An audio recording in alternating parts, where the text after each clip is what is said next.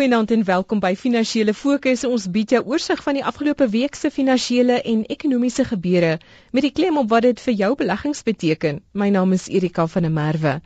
Aandelemarkprestasie in Januarie was verbasend sterk, soveel so dat die syfers mense amper sou laat glo dat die groot wêreldmoondhede nie in 'n skuldkrisis gedompel is nie. En ons sien 'n aantal positiewe aanwysers deur die loop van van dese week in Suid-Afrika sowel as elders in die wêreld. Hulpbronne veral het gebaat by fermer as verwagte toestande in die vervaardigingssektore van belangrike ekonomieë en hulpbronne loop ook op die nuus dat Glencore en Xstrata wil saamsmelt om 'n hulpbronreus te vorm. My gaste is Amelia Morgenrood, fondsbestuurder by PC Consult in Silver Lakes en Charles Bester, fondsbestuurder by Creer Internasionaal. Goeienaand en julle baie welkom. Goeienaand Erika, baie dankie. Goeienaand Erika. So 'n lekker loop Amelia wat ons gesien het in ons eie marke, in die Amerikaanse aandelemark en in verskeie ander markte internasionaal. En soos ek sê, dis amper verbasend, die markte het 2011 baie negatief gesluit. Ja Erika, daar was 'n verskeidenheid positiewe faktore wat gehelp het om die sentiment op internasionale markte um, te verbeter. Steeds volg ons maar die internasionale mark vir al Amerika, daar's steeds 'n baie baie nou korrelasie. En van die faktore wat ek miskien kan noem is eerstens tydens beter as verwagte ekonomiese data. Hoewel die data nie besonder goed was nie, het dit maar net daarop gedui dat daar dan jou oordeelsdag voor lê nie en dat die ekonomiese toestande nie so sleg gaan wees as wat almal gedink het nie. Vervaardigingssyfers was beter as verwag in in Engeland, in Duitsland en veral in China ook wat natuurlik 'n baie groot rol speel in die herstel van die wêreldekonomie en dit het gehelp om kommoditeitspryse 'n bietjie hupstootjie te gee. En dan Erika, daar was ander positiewe faktore dink ek hier plaaslik wat ons mark ook nog meer hupstoot gegee het. Ons het weer eens nuwe rekordhoogtepunte gesien op die alle aandele indeks. Ons motorverkope syfers was beter as verwag. Die ANC het 'n baie goeie verslag uitgebring vir die markte waar hulle gesê het hulle gaan glad nie die nasionalisering van myne oorweeg nie. Hulle is eerder in in die guns van hoër belastings en hulle gaan nou 'n finale besluit op die party se nasionale uitvoerende komitee vergadering neem.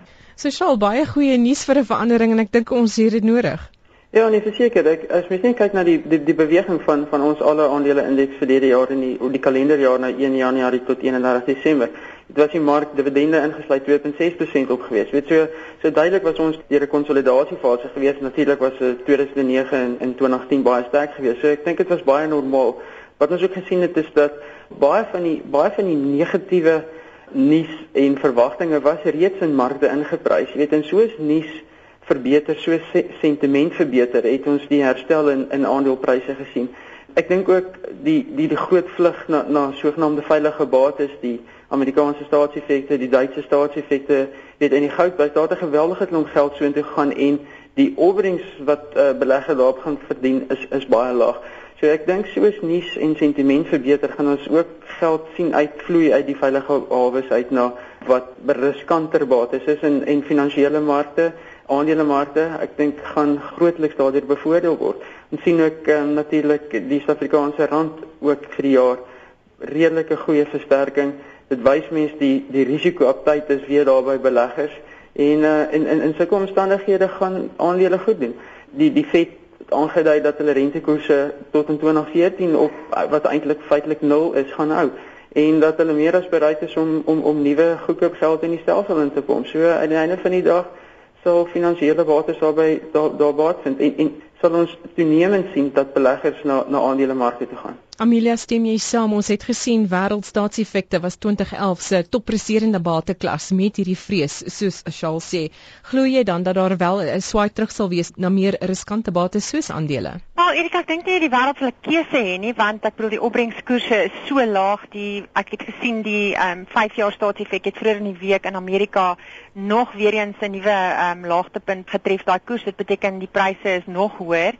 Ek dink is nou 0,7%. Ek bedoel beleggers gaan nooit kan nooit tevrede wees oor die langtermyn met so sulke tipe opbrengste nie. So hulle sal moet gaan na meer riskante bates en dit is so dat die Amerikaanse mark byvoorbeeld reeds in 1999 die huidige vlakke getref het en dat die waardasievlakke baie teruggeval het van 'n prys vir dienste veelvat in die omgewing van 20 daardie jare is hy nou in die omgewing van 13. So dis definitief baie beter waarde vir geld en dividendopbrengste is baie hoog.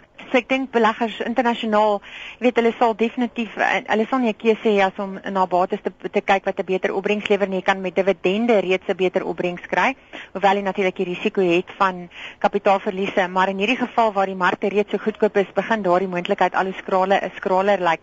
En ek dink sedert die begin van die jaar wat ons nou gesien het dat ekonomiese data effens verbeter het, die feit dat die Griekse situasie besig is om daar te ontrafel en dat dit lyk asof hulle op die punt staan om ooreenkomste te bereik met hulle krediteure het alles gehelp vir die wêreld om te besef dat daar wel 'n verbetering gaan kom. Ben Bernanke het ook gesê dat hy verwag dat die Amerikaanse ekonomie oor 3 jaar sal herstel.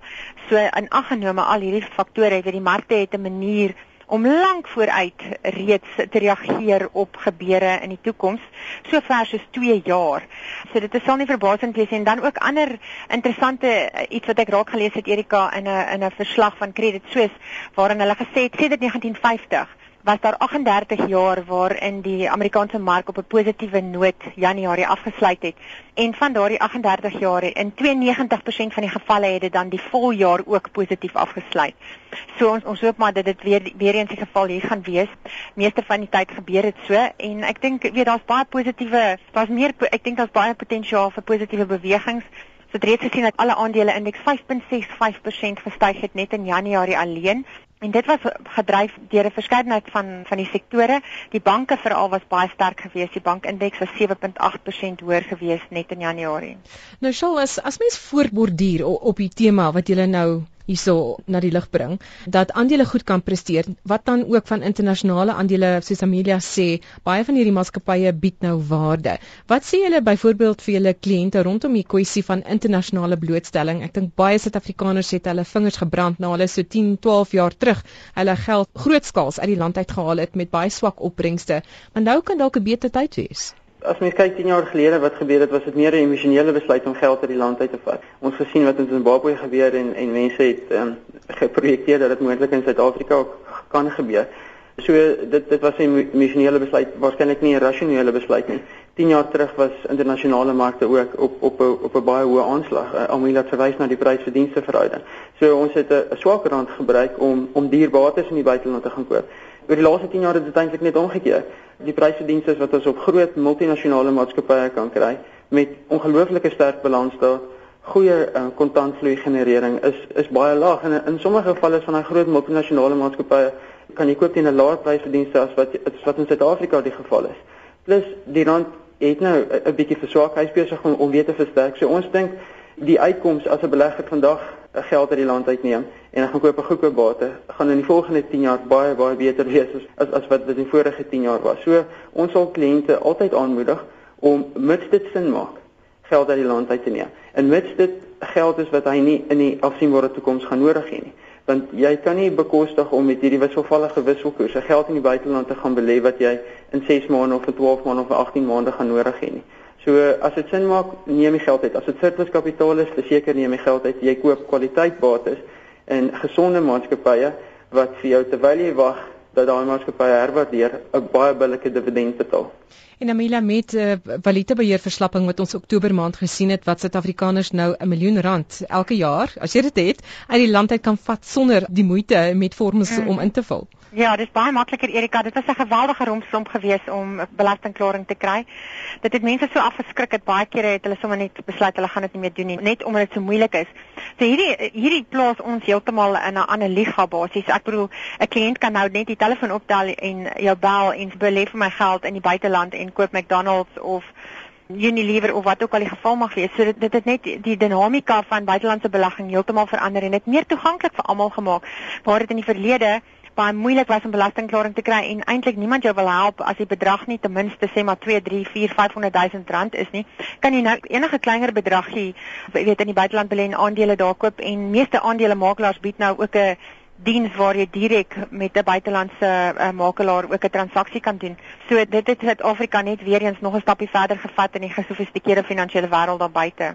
Charles, ons die gesprek dan kan verskuif. Die nuus dat Glencore en Xstrata wil saamsmelt. Hy gaan 'n markkapitalisasie hê van hier by die 80 miljard dollar.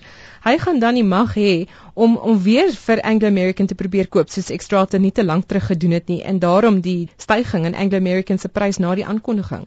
Ja, ek dink dit was 'n transaksie wat die mark redelik verwag het nadat nadat Glencore genoteer het. En Glencore natuurlik omtrent 35 besit reeds 35% van die ekstraat. Nou die die groter entiteit mag moontlik um, na na Anglo American gaan kyk. Ehm um, ek ek dink dit sal baie moeilik wees om dit verby al die kompetisiekommissies te kry. As as jy kyk op wat hulle alles gaan beheer en dat die produksie van belangrike kommoditeite dan net in 'n 'n handjievol ehm um, spelers se hande gaan wees. So ek is nie seker dat dat dit so 'n transaksie sal weergaan nie. Ehm um, ek is ook nie seker dat ehm um, tensy hulle 'n premie gaan betaal, ehm um, Anglo American se aandeelhouers sal instem tot so 'n transaksie nie. Hmm. Want as mens net gaan kyk na na Anglo American, goed, mense kan 'n prys plaas op op die bates wat hulle wat genoteer is, um, soos Kumba en en Anglo Plat. Maar maar die ongenoteerde, die die ramp waarvan hulle praat, regtig teen die diskonto en, en in ons opinie bied Anglo American eintlik baie goeie waarde want daar is waarde wat oor tyd ontsluit kan word. Nou goed, 'n maatskappy soos Xstrata en die gesamentlike entiteit met Glencore kan miskien ook daai waarde sien en sê kom ons koop Anglo, ons maak 'n aanbod en ons en ons breek hierdie maatskappy op want die die som totaal gaan moontlik meer werd wees behoort meer werd te wees as as as wat dit op hierdie oomblik is. So so ek dink nie, ek dink die enigste manier hoe sal instem is hulle 'n redelike hoë premie betaal. Jy moet onthou net terugkyk na 2008 in die, in die, in die vorige hoogtepunt het Anglo American se aandeleprys teen R557 verhandel. Nou hierdie goeie nuus en met die stygings in in, in die aandelepryse van verhandel ons maar omgewing van 340. Weet jy, daar's daar's nog baie goeie upside. Ons het gesien dat kommoditeitspryse weer bietjie teruggetrek het. Maar um, as jy kyk na die die pipeline die die die laagkoste myne en die lewens van daai myne wat Anglo American besit, dan dink ek is Anglo American baie meer werd as as as wat in die prys op die oomblik verhandel. Namilia as ons banke toeskuif vir Absa het 'n handelsverklaring gelewer wat heel positief gelyk het, maar intussen is topbestuur by die bank links en regs besig om te bedank. Maria Ramos klink heel rustig oor die saak. Ja, Erika, eh, so leierskapkrisis is nooit goed vir 'n maatskappy nie. Ehm um, weet ek hoop dat hulle dit vinnig kan uitsorteer. Ehm um, ek sien reeds dat Absa se aandeleprys bietjie onderpresteer teenoor sommige van die ander banke. Ek het net vinnig gekyk na die syfers die laaste jaar. Absa se prys het in die laaste jaar 10.7% gestyg, dis na die laaste 12 maande, terwyl Nedbank dubbel soveel gestyg het, 20%. First Rand het byvoorbeeld 15% gestyg. So jy kan klaar sien dat hulle bietjie agterbly, maar ek moet sê die handelsverklaring was beter as verwag. Daar was 'n vooruitskatting van die mark en dat hulle 'n 19% stygings sal hê in hooflynverdienste. Hulle het gesê dat dit soveel as 22% sal wees. Ek dink dit is maar weer eens omdat hulle gefokus het op die koste aspek en dat hulle ook meer fokus op transaksiegedrewe um, omset te verhoog en ek dink ook die uh vraag na krediet het dalk so effentjies opgetel wat hulle ook daar gehelp het. Ja, maar sy aandeleprys is niks om oor opgewonde te raak nie. Hy het hierdie jaar sover min of meer 5% gestyg. Dit is baie in lyn met wat die hele mark gedoen het. So die hele sentiment van die mark het hom dalk ook gehelp terwyl hy verlede jaar maar nie te veel gedoen het nie. En Charles, ons weer aanskuif telekommunikasie toe. MTN was reeds onder druk as gevolg van sy blootstelling aan Iran wat 'n groot deel uitmaak van sy omset en sy winste. En nou die nuus dat Turkcell hom beskuldig van 'n situasie in Iran.